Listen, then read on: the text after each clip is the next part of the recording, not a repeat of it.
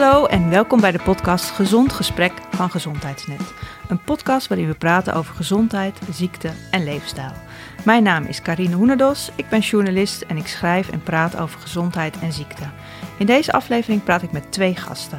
Het zijn Anke Koemans en Hanna van der Pol, allebei werkzaam in het Antonie van Leeuwenhoek in Amsterdam. Ik praat met ze over borstkanker en dan met name over de late gevolgen van borstkanker. Welke klachten bestaan er nog na de behandeling en hoe ga je ermee om? Laat ik beginnen met het introduceren van mijn gasten van vandaag. Hanna van der Pol is verpleegkundig specialist borstkanker in het Antonie van Leeuwenhoek. Hanna, jij ziet en begeleidt borstkankerpatiënten vanaf het moment dat ze in het ziekenhuis komen en dan tijdens het hele traject. Kun je iets vertellen over je werk en wat je precies dan doet? Ja, dat kan ik. Um, wat we doen als uh, een patiënt uh, of een vrouw of een man uh, een zwelling bemerkt in een borst, dan kunnen ze via de huisarts komen voor, de, voor de sneldiagnostiek. Um, als je gisteren bijvoorbeeld een zwelling hebt bemerkt, kan je vandaag al bij ons langs om analyse te doen van die zwelling. En dan heb je binnen een uur de uitslag. Um, dat is één aspect van het werk. En het andere aspect is dan de second opinions die we doen.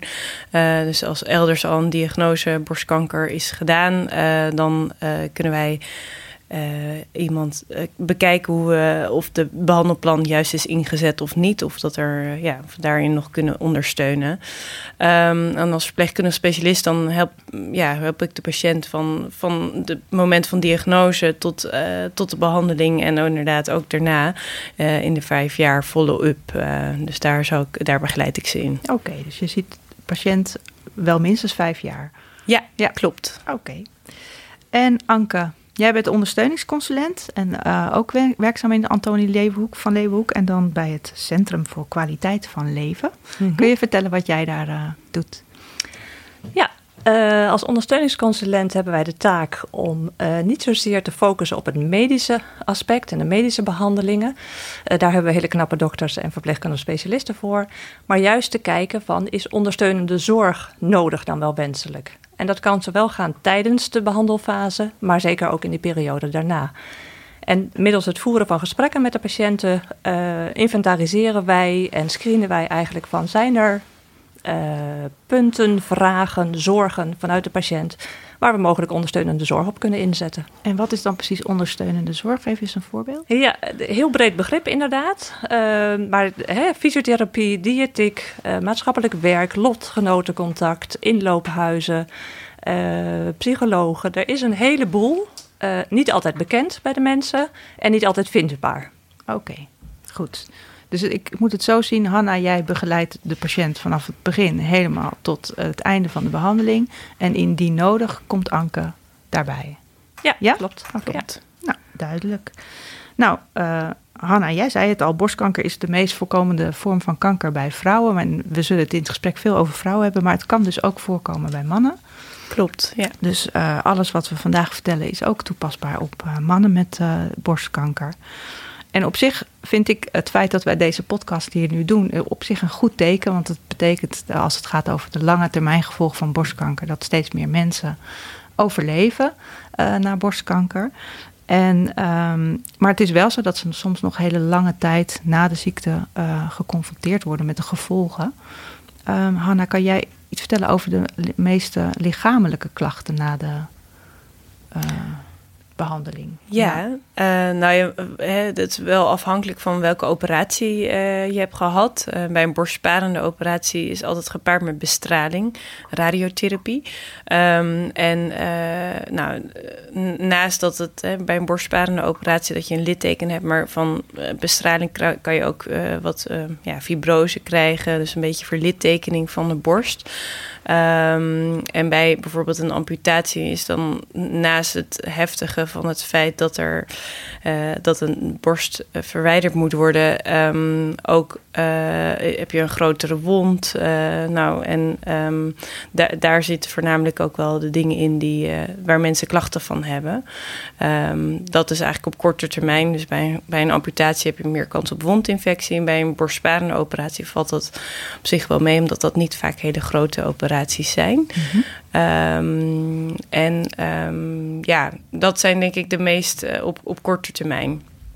En voornamelijk, ja, vermoeidheid is wel ook echt een hele grote klacht. Ja, want als het gaat om de lange termijn, dan is Ja. dat volgens mij Precies. de meest ja. voorkomende klacht. Ja. toch echt wel 80% van de mensen die behandeld zijn met, met kanker, die hebben toch echt wel, eh, zeker het eerste jaar, heel veel last van vermoeidheidsklachten. En echt niet iedereen, maar toch wel ja, echt een groot aantal. Ja, 80% is wel heel erg veel. En weet je hoe dat komt, of niet? Nou, ik denk eh, naast inderdaad de, de mentale eh, klap die je krijgt, maar ik denk dat Anke daar veel over kan vertellen. eh, ook het, het aspect dat je naar een ziekenhuis moet en dat je opeens patiënt wordt. En, en met alle dingen die erbij komen van het organiseren van thuissituatie, werksituatie. En, Het is een enorm gedoe. ja, een enorm, enorme klap. Je wordt Ja. enorm naar beneden gehaald opeens. En ja, je weet eigenlijk niet zo goed welke kant je op moet. Dus Ja. ik denk dat daar ook de vermoeidheid ook veel eh, vandaan komt. Ja, en ik lees ook wel verhalen dat het echt heel lang kan duren, die vermoeidheid. Hè? Dus tot eh, wel veel langer nog dan een jaar na de behandeling. Ja, ja, ja klopt. En hoe komt dat? Weet je dat? Of, eh, Moeilijk in te schatten. Ja. En elk persoon die reageert natuurlijk ook anders op een behandeling. Dus het is niet allemaal, allemaal, allemaal precies hetzelfde. Wat wij voornamelijk zeggen, nou, ook al voel je je moe, ga de deur uit. Al ga je, eh, hoe aantrekkelijk die bank ook eh, er in je huis staat, eh, ga inderdaad een half uurtje wandelen. Want je zal merken dat het op een gegeven moment echt wel minder gaat worden. ja, Hoe moeilijk soms dat ook is, maar eh, dat wordt wel anders. ja. Ja. oké. dus vermoeidheid is een heel belangrijk fysiek verschijnsel. En je zei al van, nou, Anke kan me je vertellen over de psychische ehm, lange termijn gevolgen. Ja, ja. Nou, de kleine aanvulling nog, want dat Mhm. hoor ik eh, nu nog niet, is dat de chemotherapie. Hè, het is vaak ook dat er behandeling bestaat uit chemotherapie. Niet altijd, maar soms is dat wel nodig. En dat is van top tot teen letterlijk het lichaam eigenlijk belasten, bewust, goed bedoeld. Eh, maar dat brengt ook zeker vermoeidheid met zich mee. Hè, dat het lichaam aan alle kanten aan het werk is nou ja, om dat te bestrijden en de ziekte eruit te werken. Ehm, terugkomend op je vraag van hè, inderdaad de psychische belasting. Ehm, angst voor Ja. terugkeer. Ehm, angst voor soms ook de dood. Ehm, ik noem het altijd, als ik het uitleg aan patiënten, van je hebt bagage gekregen in je leven. Hè? Het is een ervaring en die bagage die stop je in je rugzak en die gaat de rest van je leven met je mee. Dus eigenlijk is het nooit meer of zelden meer zoals voorheen. En dat wil niet zeggen dat het leven daarmee helemaal eh, niet meer leuk is. Maar dat wil ze- wel zeggen dat je bij veel beslissingen of momenten eh, zal terugdenken aan. Of je hè, die bagage weer even vastpakt, als het ware. En de een kan daar relatief makkelijk mee omgaan, een beetje nuchter. eh, hè, kan het alleen op controlemomenten dat het weer opspeelt.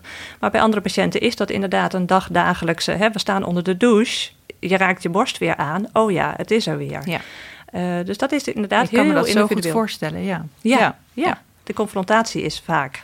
Ja. eh, hè, ook met het nieuws, eh, met de kranten, met de media. Hè, wordt heel vaak gerefereerd aan het woord kanker. Ja. En dan is het de kunst om die bagage onder in die rugzak te krijgen, zoals ik het vaak uitleg, zodat het niet meer zo invloed heeft op, dat het je niet meer zo raakt op het moment dat het gebeurt. En dan spreek ik wel, hè, de- in het begin is het normaal dat het je raakt en dat het je elke keer weer confronteert. Maar gaandeweg de jaren hoop je dat die bagage wat meer naar onder zakt. Ja. Dus dat, dat is de angst. En ik, ik heb ook gelezen dat er ook best wel vaak depressie voorkomt na de behandeling. Ja, zeker somberheid. Ja. Hè, somberheid en het eh, lastig vinden om het gewone leven, tussen aanhalingstekens, weer op te pakken. Ehm, kleine wereld. Hè? Inderdaad, als je vermoeid bent, zit je toch meer binnen of zit je meer thuis. Eh, ja, die muren die komen letterlijk bijna op je af op een gegeven moment. En ehm, daar word je ook niet vrolijk van. Dus inderdaad, wat Hanna ook zegt, van, hè, probeer wel, hoe klein ook, maar juist erop uit te gaan. En dat kan die wandeling zijn, maar dat kan het contact met je werk zijn of met sociale bezigheden, sport. Ehm, dat maakt allemaal dat het gewone leven weer wat meer op de voorgrond komt te staan. In Ja. plaats van dat de patiëntenrol die je hebt, zeker, maar je bent daarnaast ook nog moeder, vriendin, partner, partner enzovoort. Ja. Ja. En denk met die depressie waar je het over hebt, dat is ook wel vaak gerelateerd aan antihormoontherapie, die we ook vijf tot zeven jaar, of soms zelfs wel tien jaar geven. Mhm. Dat is elke dag een tabletje. en dat is dus eigenlijk ook nog een nabehandeling van heel lang. en waardoor inderdaad ook, dat is ook een chemische uh, reactie dat er uh, ja, somberheid kan opspelen. Met name door de tamoxifen. Dat is een bepaalde medicatie die bij antihormoon tablet uh, wordt gegeven. Ja, oké. Okay, Dat is niet bij elke vrouw die, die krijgt dat, maar dat is bij, bij hormoongevoelige tumoren is dat het geval. En dan krijg je dat uh, ja, ook niet altijd, maar inderdaad per patiënt wordt er weer gekeken of daar een indicatie nodig is. Oké, en het kan dus invloed hebben op je, op je humeur en je, je stemming. Maar is dat altijd of is dat... Nee, dat is niet altijd. Nee, nee, maar dat kan wel een grote oorzaak zijn. Ja, ja. oké. Ehm, je zei net, de vermoeidheid is echt het allergrootste uh, fysieke, nou, maar eigenlijk ook wel psychische probleem. Hè. Dat is natuurlijk alles bij elkaar. Ehm, er zijn volgens mij ook nog heel veel andere lichamelijke klachten. Hè? Dus uh, bijvoorbeeld het lymfeudeem. Kun je daar iets over vertellen, Hanna? Ja, um, nou bij lymfeudeem is het... Um, dat, dat is zeker ook nog steeds wel aan de orde. Maar we hebben tegenwoordig onze behandeling toch ook wel anders ingericht om lymfoedeem zo, ja, zo uh, min mogelijk uh, te geven, uh, te krijgen. met name omdat er voorheen werd altijd een, alle lymfeklieren verwijderd in de oksel. En dat, nou, niet altijd, maar dat was wel vroeger de standaard.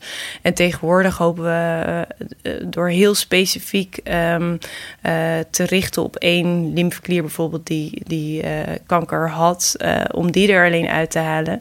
Uh, en ook om gerichte uh, bestraling om de oksel mee te geven, is de kans op lymfoedeem tegenwoordig veel minder. Oh, dat is goed nieuws. Ja, dat is zeker wel goed nieuws. Maar dat wordt dus inderdaad echt per, per tumor en welke karakteristiek, uh, daar wordt dan specifiek naar gekeken of je inderdaad die oxoclear uh, toilet, oxoclear dissectie ook niet altijd meer nodig hebt. Oxoclear toilet, wat ja. moet ik me daarbij voorstellen? Wat is dat? Ja, dat, dat, dat is de term. Voor... Ja, dat is de oxoclear toilet. De, de lymfeklieren in, uh, die vanaf, vanaf je borst naar je oksel lopen en dan heb je bepaalde levels die tot eigenlijk onder je sleutelbeen zitten. Die worden allemaal verwijderd. Um, maar goed, dat is dus wat we juist veel minder willen doen. En want dat is echt niet meer altijd nodig. Nee. Oké, goed. Zijn er nog andere klachten die, uh, uh, die kunnen ontstaan waar mensen van tevoren misschien helemaal niet over nagedacht hebben? Of ja, wat je natuurlijk niet wil, maar uh, die wel kunnen ontstaan door de, als lange termijn gevolg van de behandeling? Um, nou, ik denk voornamelijk ook de. Um, eh, ja, eh, het, het niet meer hebben van je borst. Hè, dat, dat is natuurlijk het mentale aspect en het, en het uh, fysieke aspect. En dat is, dat is wel echt gewoon heel heftig. En waar mensen veel uh, tijd voor nodig hebben om dat ook te accepteren. Ja. Ja, en um, um, ja, ook wel wat ik net al zei over die antihormoontabletten. Die hebben ook vaak bijwerking met betrekking tot soms wel eens gewrichtsklachten. Nou, op, uh, op het seksuele gebied is er ook, uh, kan je wat libido-verlies hebben. Minder dus, zin om te vrijen. Ja, ja, precies. Ja. Dus dat zijn best wel veel dingen die uh, op lange termijn meespelen. Ja, oké. Okay. Um, kun je het voorspellen of iemand last kan krijgen of waar iemand last kan, van gaan, kan gaan krijgen na de behandeling? Anke, weet jij dat? Uh, zeg nooit nooit en of zeg nooit altijd in ons vak. Dus uh, nee is mijn antwoord daarop. Er zijn zeker natuurlijk een soort van voorspellende waardes. Uh, net wat Hanna al zei, van, hè, als je lokaal geopereerd kan worden... is dat heel anders dan een borstamputatie. Waarbij in ieder geval bij ons in het ziekenhuis... ook vaak een prothese in dezelfde operatie wordt geïmplanteerd, dus mm -hmm. geplaatst. Um, dus het herstel daarvan verloopt anders, zeker. Er zijn ook andere uh, restricties waar je aan moet houden als patiënt zijnde. Qua bewegingen bijvoorbeeld, qua inspanning en dergelijke.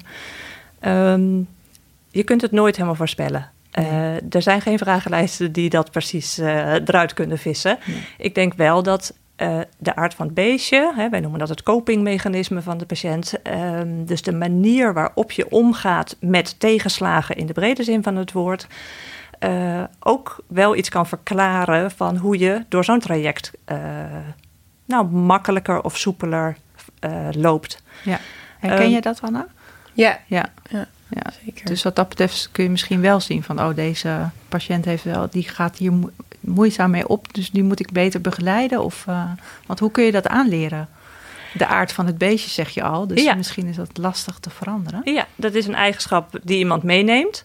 Uh, ik denk dat je wel met informatie en met uh, handvatten daarin uh, nou, in ieder geval kan adviseren, laat ik het zo zeggen. Maar het is aan degene, aan de patiënt, om daar ook mee aan de slag te gaan. Mm -hmm.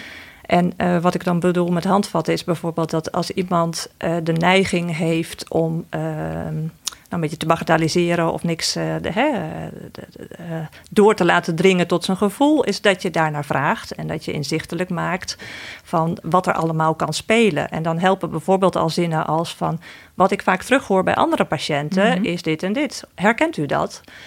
Daarmee algemeniseer je eigenlijk een soort van probleem en daarmee uh, normaliseer je het ook. En dat is denk ik uh, in mijn werk althans uh, erg belangrijk. Dat patiënten weten dat ze niet de enige zijn met klachten of dat hun vraag of hun probleem niet gek is ja. in deze. En uh, de aard van het beestje wil en kan ik ook helemaal niet veranderen. Maar je kunt wel handvatten geven uh, hè, hoe daarmee om te om gaan. er beter mee om te gaan. Ja, ja, en dat aanpassen naar een nieuwe situatie, dat is vaak de sleutel tot succes. Ja. Hè, als dat lukt, hoe ingewikkeld ook, soms met hulp, soms ook niet, uh, dan doorstaan ze de behandeling prettiger. Ja, Oké, okay, want je had het net over die rugzakken. Vond ik wel een mooie vergelijking. Een rugzak met, met kilo's erin. Mm -hmm. Kun je jezelf ook trainen om die rugzak beter te kunnen dragen? Ik bedoel, ja. Kun je krachtiger worden? Of... Ja, ja. Nou, ook dat, hè, zowel op het fysieke stuk. Ja, uh, misschien ook wel letterlijk trainen, Hanna. Ja, dat, uh, dat ja nee, ja. zeker. Ja, dat uh, kan absoluut. Ja, ja. vaak adviseren we te trainen bij een oncologisch fysiotherapeut. Ja. ook tijdens chemotherapie bijvoorbeeld. Hè, dat wordt nou, niet, ook niet iedereen weet dat dat een mogelijkheid is. Al tijdens de chemotherapie. Ja, ja. dus niet juist. te gaan liggen en denken van nou, nee. nu word ik behandeld, nu moet ik niks doen. Nee, luister naar je lichaam, hè, zeiden we vroeger. Dat ja. zeggen we nog steeds, maar we zeggen daar ook achteraan dat ze actief moeten zijn. Ja, um, ja juist, hè? want dan ook, ook is het herstel daarna zoveel beter. Gewoon elke dag uh, iets doen, elke dag wandelen, iets fietsen naar buiten. Dat is ook bewezen dat het ook echt op lange termijn hè, het herstellen ook uh, enorm bevordert. Dus en bent sneller weer in het, in het ritme wat je voorheen kon. En, en dat, is, dat komt puur door de conditie of is het ook het, uh, de frisse lucht echt bij wijze van spreken? Beide. En uh, Beide. opvrolijken door energie, uh, nieuwe energie te krijgen door beweging. Ja, ja. ja beide okay. hoor. Ja. En is dat veranderd in de loop der tijd? Dit advies? Ja, ja, jullie knikken ja, allebei. Ja, dat is zeker uh, veranderd. Uh, er zijn studies naar gedaan en dergelijke. En ik denk dat we eerder veel meer zeiden van luister naar je lichaam en doe het maar rustig aan. Mm -hmm. Want de behandeling is al zwaar genoeg. En dat we uh, nu nog steeds zeggen van tuurlijk, je moet rustmomenten inbouwen in de dag of in de week. Maar je moet ook zeker aan de bak. Ja.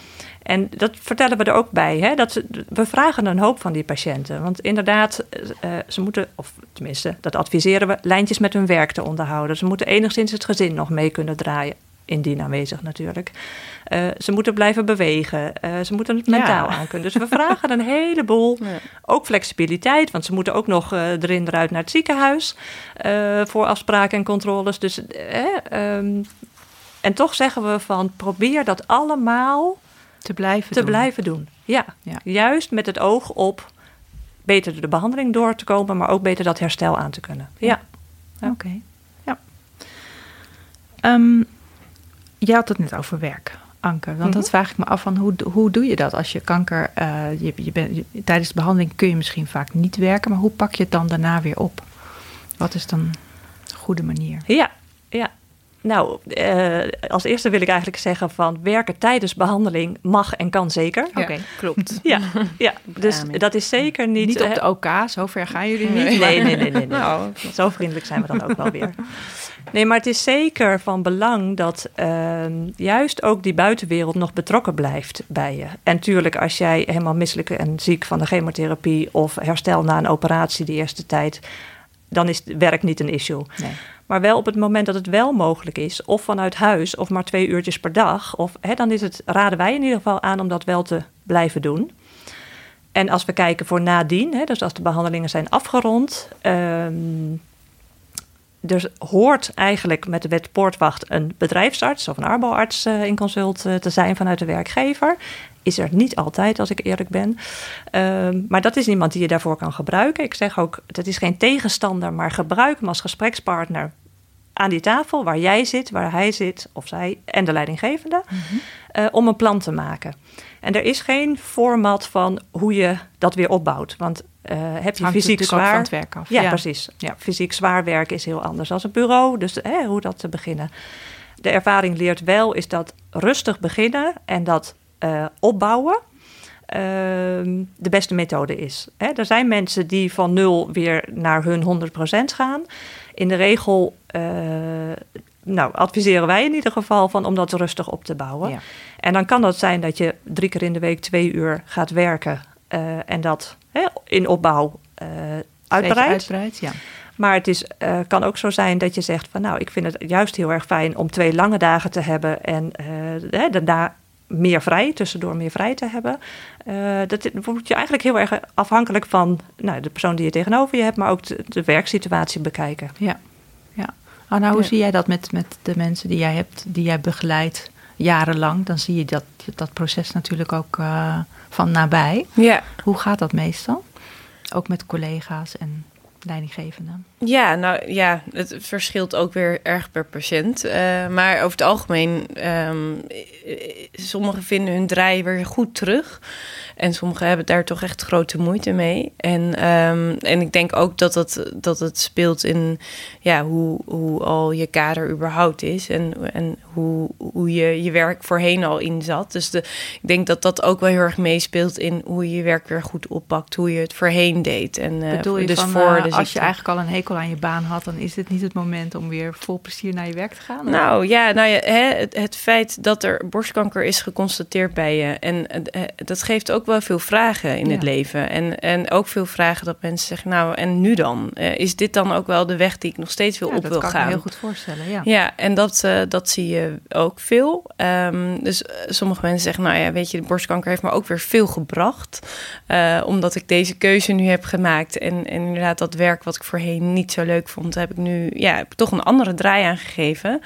En dat, ja, dat, dat is mooi om te zien. Waardoor, um, ja, waardoor het ook wel weer een ja, weer andere kant is opgegaan. Ja, ja. oké. Okay.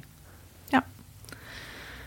Um, een van jullie twee noemde het net al, uh, de seksualiteit. En je, je kunt door hormonen verschil uh, krijgen in uh, libido. Maar ik kan me ook voorstellen dat het, als je een deel van je borst of je borst weg is, dat dat gewoon heel anders is. Hoe gaat dat? Hoe kunnen jullie daar ook begeleiding in bieden, gesprekken? Wat kun je daarin doen? Ja, ja, ik, je zelfbeeld verandert zeker. Ja. Uh, hè, nou, ook door de chemotherapie kan je in de overgang geraakt zijn. Nou, waardoor je ook uh, echt wel je haren worden dunner, je huid wordt uh, iets slechter. Uh, er zijn veel nadelige factoren daarin. Um, uh, en en we hebben er zeker ook oog voor, ook tijdens het gesprekken in, in controlemomenten. ook hoe, hoe het met de relatie gaat en, en of ze ook, ook men nog elkaar kan vinden. De, uh, balans is kwijt. Hè? Als je behandeld wordt voor borstkanker en chemotherapie ondergaat, dan heb je ook als uh, partner, ben je niet meer echt de. Ben je nog wel een partner, maar de. de je bent ook mantelzorger. Precies, ja. de taken zijn wat verschoven. Uh, en daar is ook weer een weg dan weer in te vinden. Dat, dat ten eerste. Dus inderdaad, hoe, hoe ga je dan weer met elkaars rollen om? En op een gegeven moment inderdaad, en hoe qua seksualiteit, hoe vind je elkaar weer met, met inderdaad een, nou, een geamputeerde borst, maar wel wij als in ons ziekenhuis dus vaak altijd wel proberen om een directe reconstructie te doen, waardoor hè, het effect van, het, van een amputatie al iets minder is. Natuurlijk is het niet je eigen borst, het is niet warm en het voelt niet, het voelt niet van jezelf. Dus dat is zeker ook weer anders. En voor de partner is dat ook, uh, ook lastig. Ja. Maar we bespreken dat veel ook. Ja. ja. En zie je er veel problemen ontstaan, Anke? Of? Uh, met regelmaat, met Mhm. regelmaat. Het is ehm, eh, soms ook inderdaad voor die partner lastig, hè? Van, van wat mag ik en wat kan ik? Wat, wat... En het is niet altijd, voor iedereen denk ik, maar ook in zo'n situatie niet altijd een makkelijk bespreekbaar onderwerp, onderling binnen de relatie al. Ehm, dus het is inderdaad zoeken van hoe weer daar nieuwe, een nieuw begin in te vinden. En eh, dus communicatie is daar toch wel heel erg belangrijk in. Eh, hè, stel inderdaad de vraag van wat voel je wel, wat voel je niet hè, als, als partner zeg maar Mhm. aan je vrouw. Ehm, het feit dat het besproken mag worden, dat het een onderwerp is wat erbij hoort, eh, maakt ook wel Geeft al lucht. geeft al lucht. Ja. Ja, precies, precies.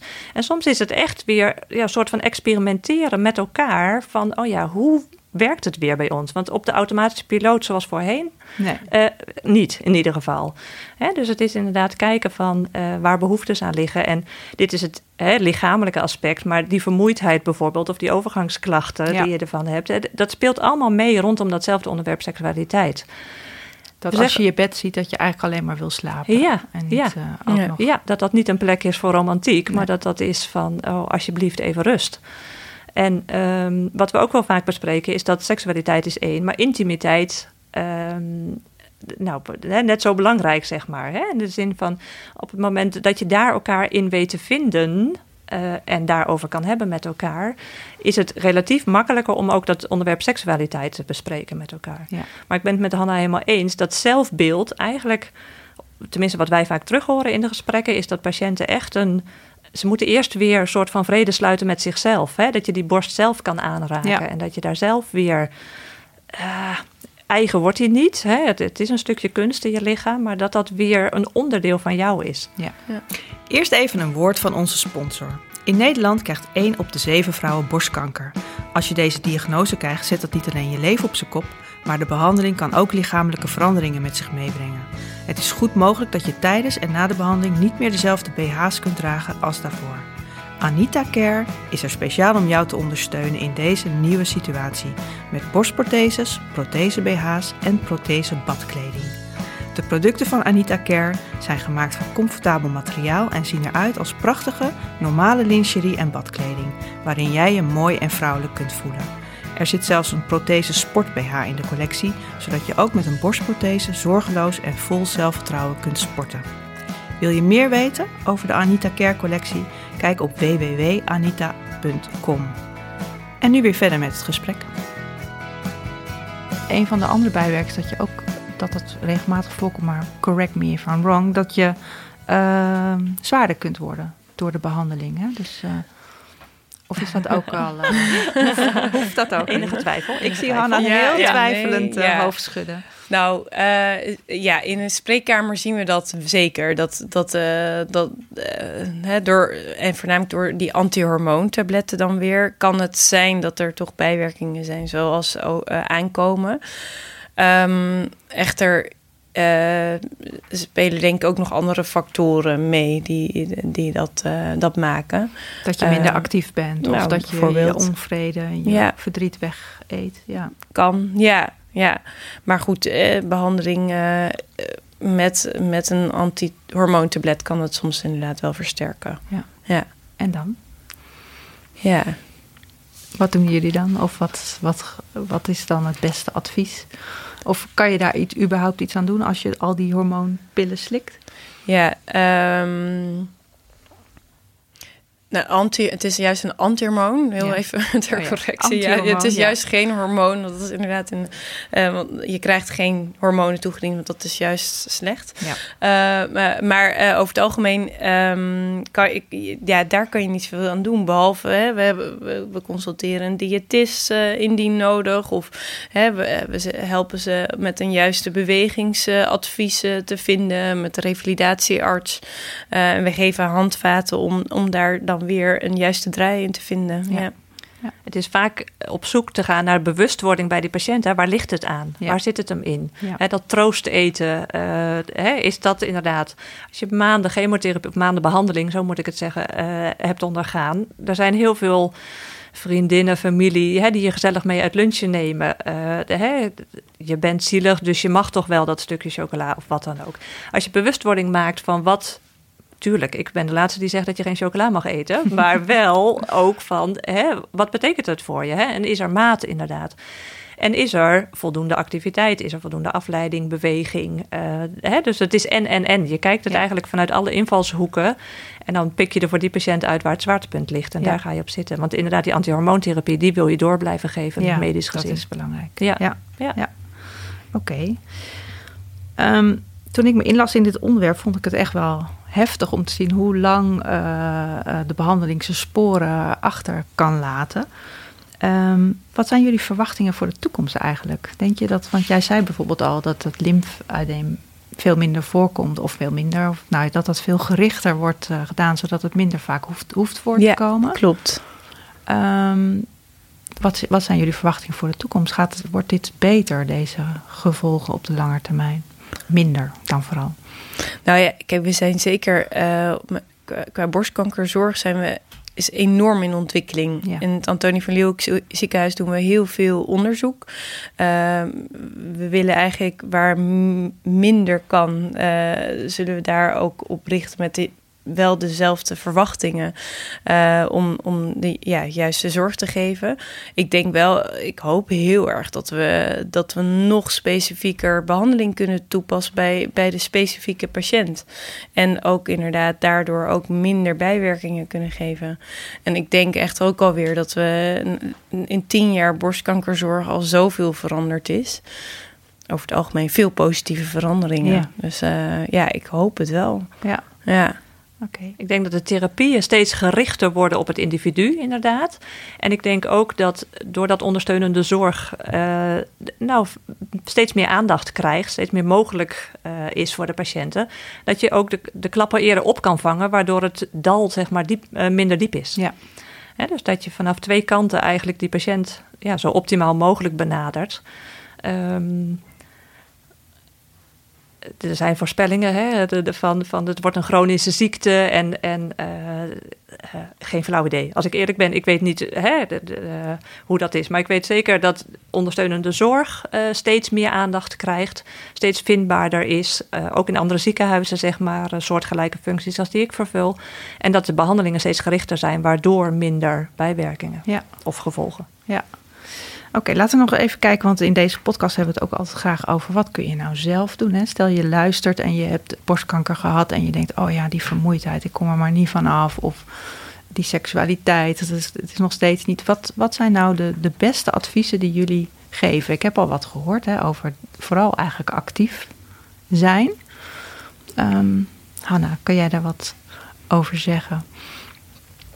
Ja, ik denk dat je ehm, vooral moet kijken naar uh, wat je zelf, uh, ja, waar je zelf ook gelukkig van wordt. Dat klinkt een beetje cliché en een beetje uh, algemeen ook wel. Maar um, ja, nou, ook wel van, ja, wat zijn de belangrijke dingen? Waar, waar wil je verder mee? Maar um, soms kunnen er ook iets heel kleins zijn. Of uh, bespreek het dan ook met je huisarts. Van, goh, ik loop hier tegenaan. En soms kan, uh, kan er medisch gezien ook uh, een hele kleine aanpassing zijn... met een vitaminetekort of een, een HB die te laag is. Hè? Dus dat je, mm -hmm. dat je te, te weinig ijzer in je ijzer, Weet je, het hoeft niet altijd een heel groot iets te zijn. Het kan soms ook inderdaad een kleine stap zijn en dan uh, voel je je vermoeidheid ook al minder. Dus uh, bespreek het ook met een, met een hulpverlener. Dat betekent Ga... dus ook dat je het echt serieus neemt, die klacht. Niet denkt van, oh, het hoort er maar bij, dat je het wel laat ja. goed uitzoeken. En, uh... Ja, nee, zeker. En dat zeg ik niet dat dat altijd moet, maar bespreek het met, met, je, met je behandelaar. Want inderdaad, die vermoeidheid, die is er en we weten het. Maar op een gegeven moment moet er toch wel een stijgende lijn ergens zijn. En als dat niet is, dan, nou ja, dan moeten we toch ook eens even met elkaar praten. Ja, ja. oké. En ik denk dat je uh, uh, zeker die professional moet betrekken, hè, of, of kan betrekken, laat ik het zo zeggen. Maar dat je zelf inderdaad ook al wel uh, met een stuk discipline hè, toch een soort van structuur in die dag aanbrengt. Dat je wel elke dag even naar buiten gaat. Of twee keer in de week naar die sportschool gaat. Of die fysiotherapeut. Hè. Dus dat actief blijven is zeker van belang.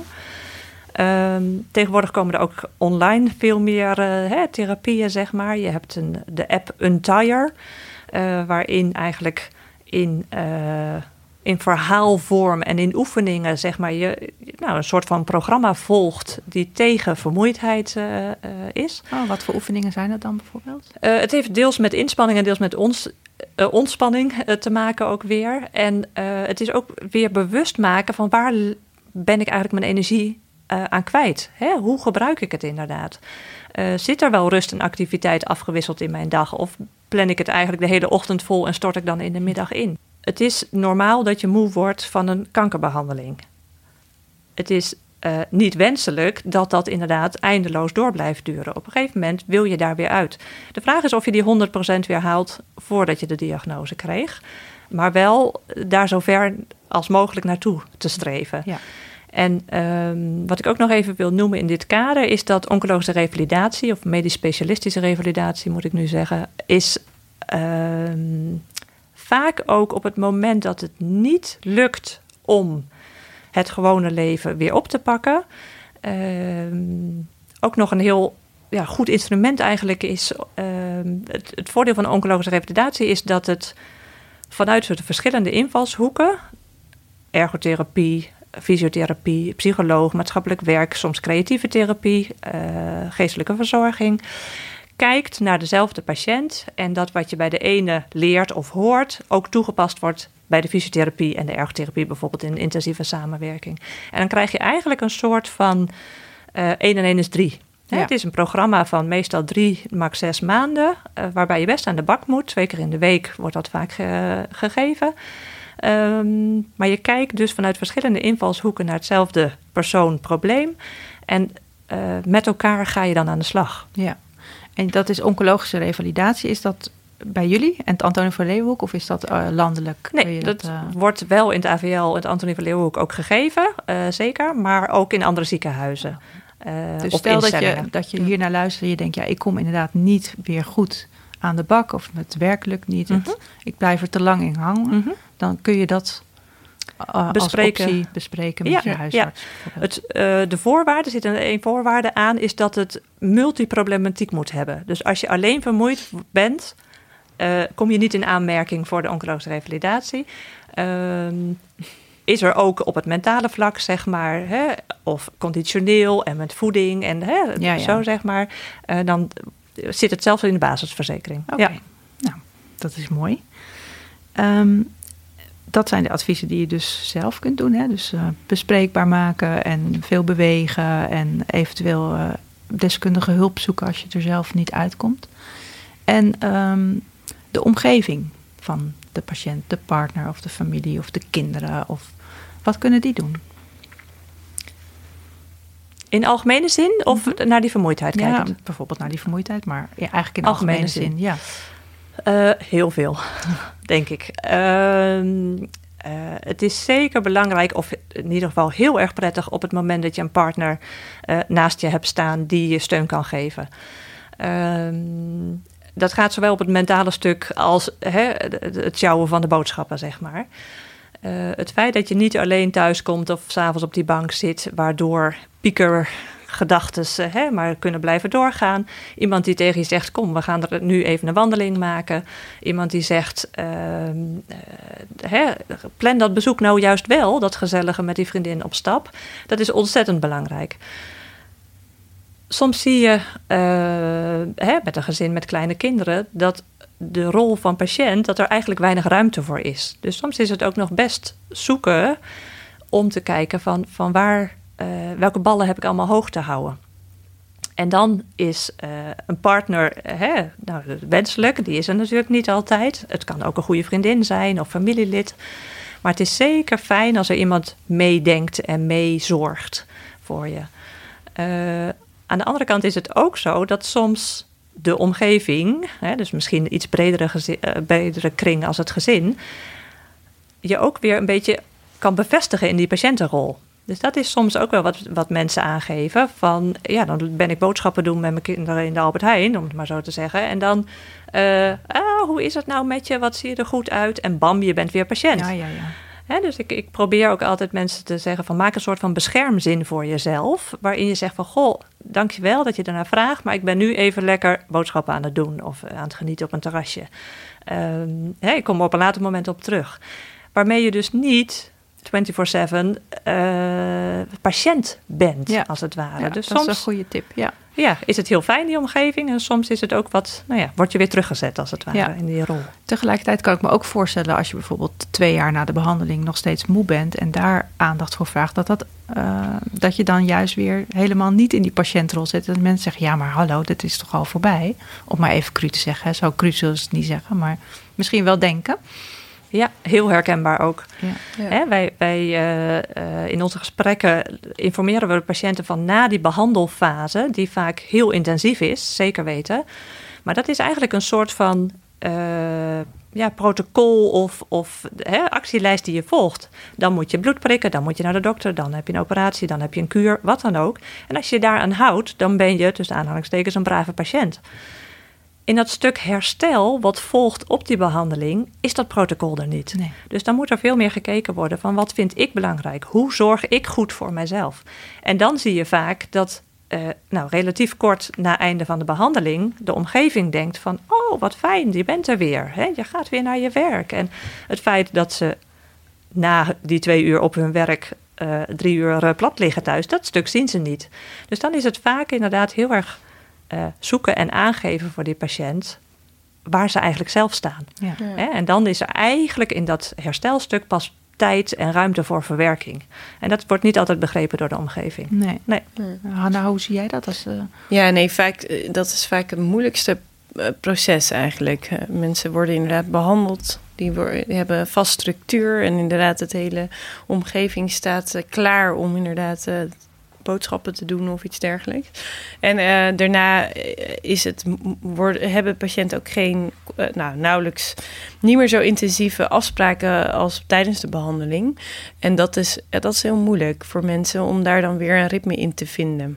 en wat, Vaak lastiger dan inderdaad die hele ja, ik kan me behandeling dat zelf. heel goed voorstellen. Ja. Ja. Ja. En wat, wat zijn dan jullie tips en adviezen daarin?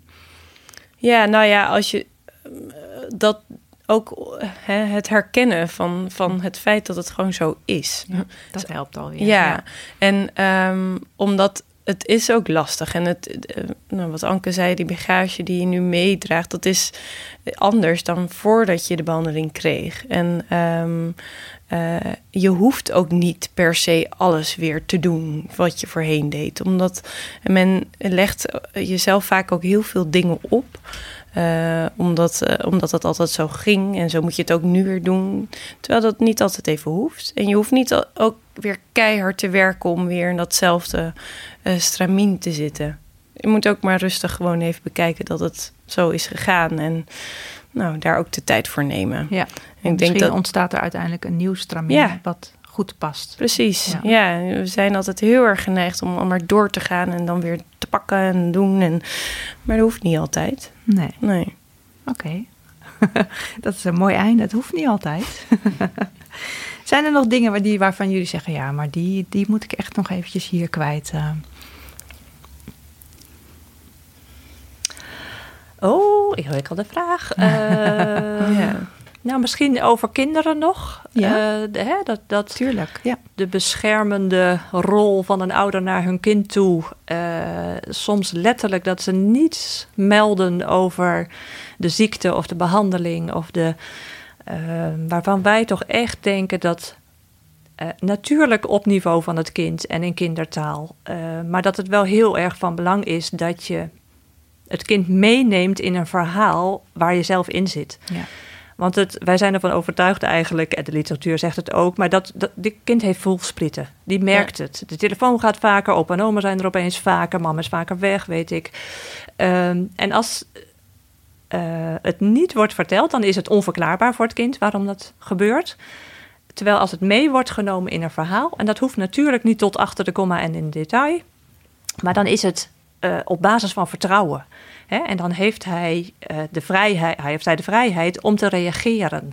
Hè, vaak zo'n zo'n eh, naar bed brengmoment is even zo'n moment van... goh, wat is er vandaag eigenlijk gebeurd? Ga even in gesprek met elkaar. Dan hoor je soms de wonderlijkste dingen terug van je kind. Wat er De kronkels in het hoofd die zijn Ja, ontstaan. Dat ja, je denkt, oh, ja. wacht eens even. Ja. Precies. We zeggen ook vaak, neem hem een keer mee naar het ziekenhuis. Hè? Het ziekenhuis is zo'n abstract begrip. Totdat hij een keer binnenloopt in een ziekenhuis en ziet van... oh, zo gaat het hier, zo werkt het hier.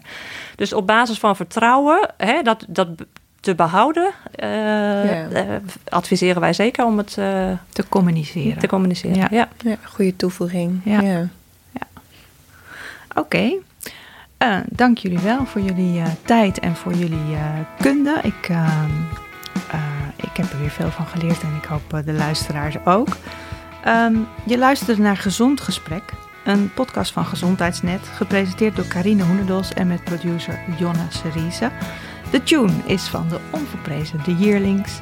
Kijk voor meer informatie over borstkanker op www.gezondheidsnet.nl en natuurlijk ook op de website van Antonie van Leeuwenhoek www.avl.nl. Wil je reageren op deze uitzending? Via Twitter zijn we te bereiken via Van Carine en Gezond Nieuws. Abonneer je vooral ook op iTunes en laat daar in elk geval even een review achter, zodat andere mensen de podcast Gezond Gesprek ook kunnen vinden.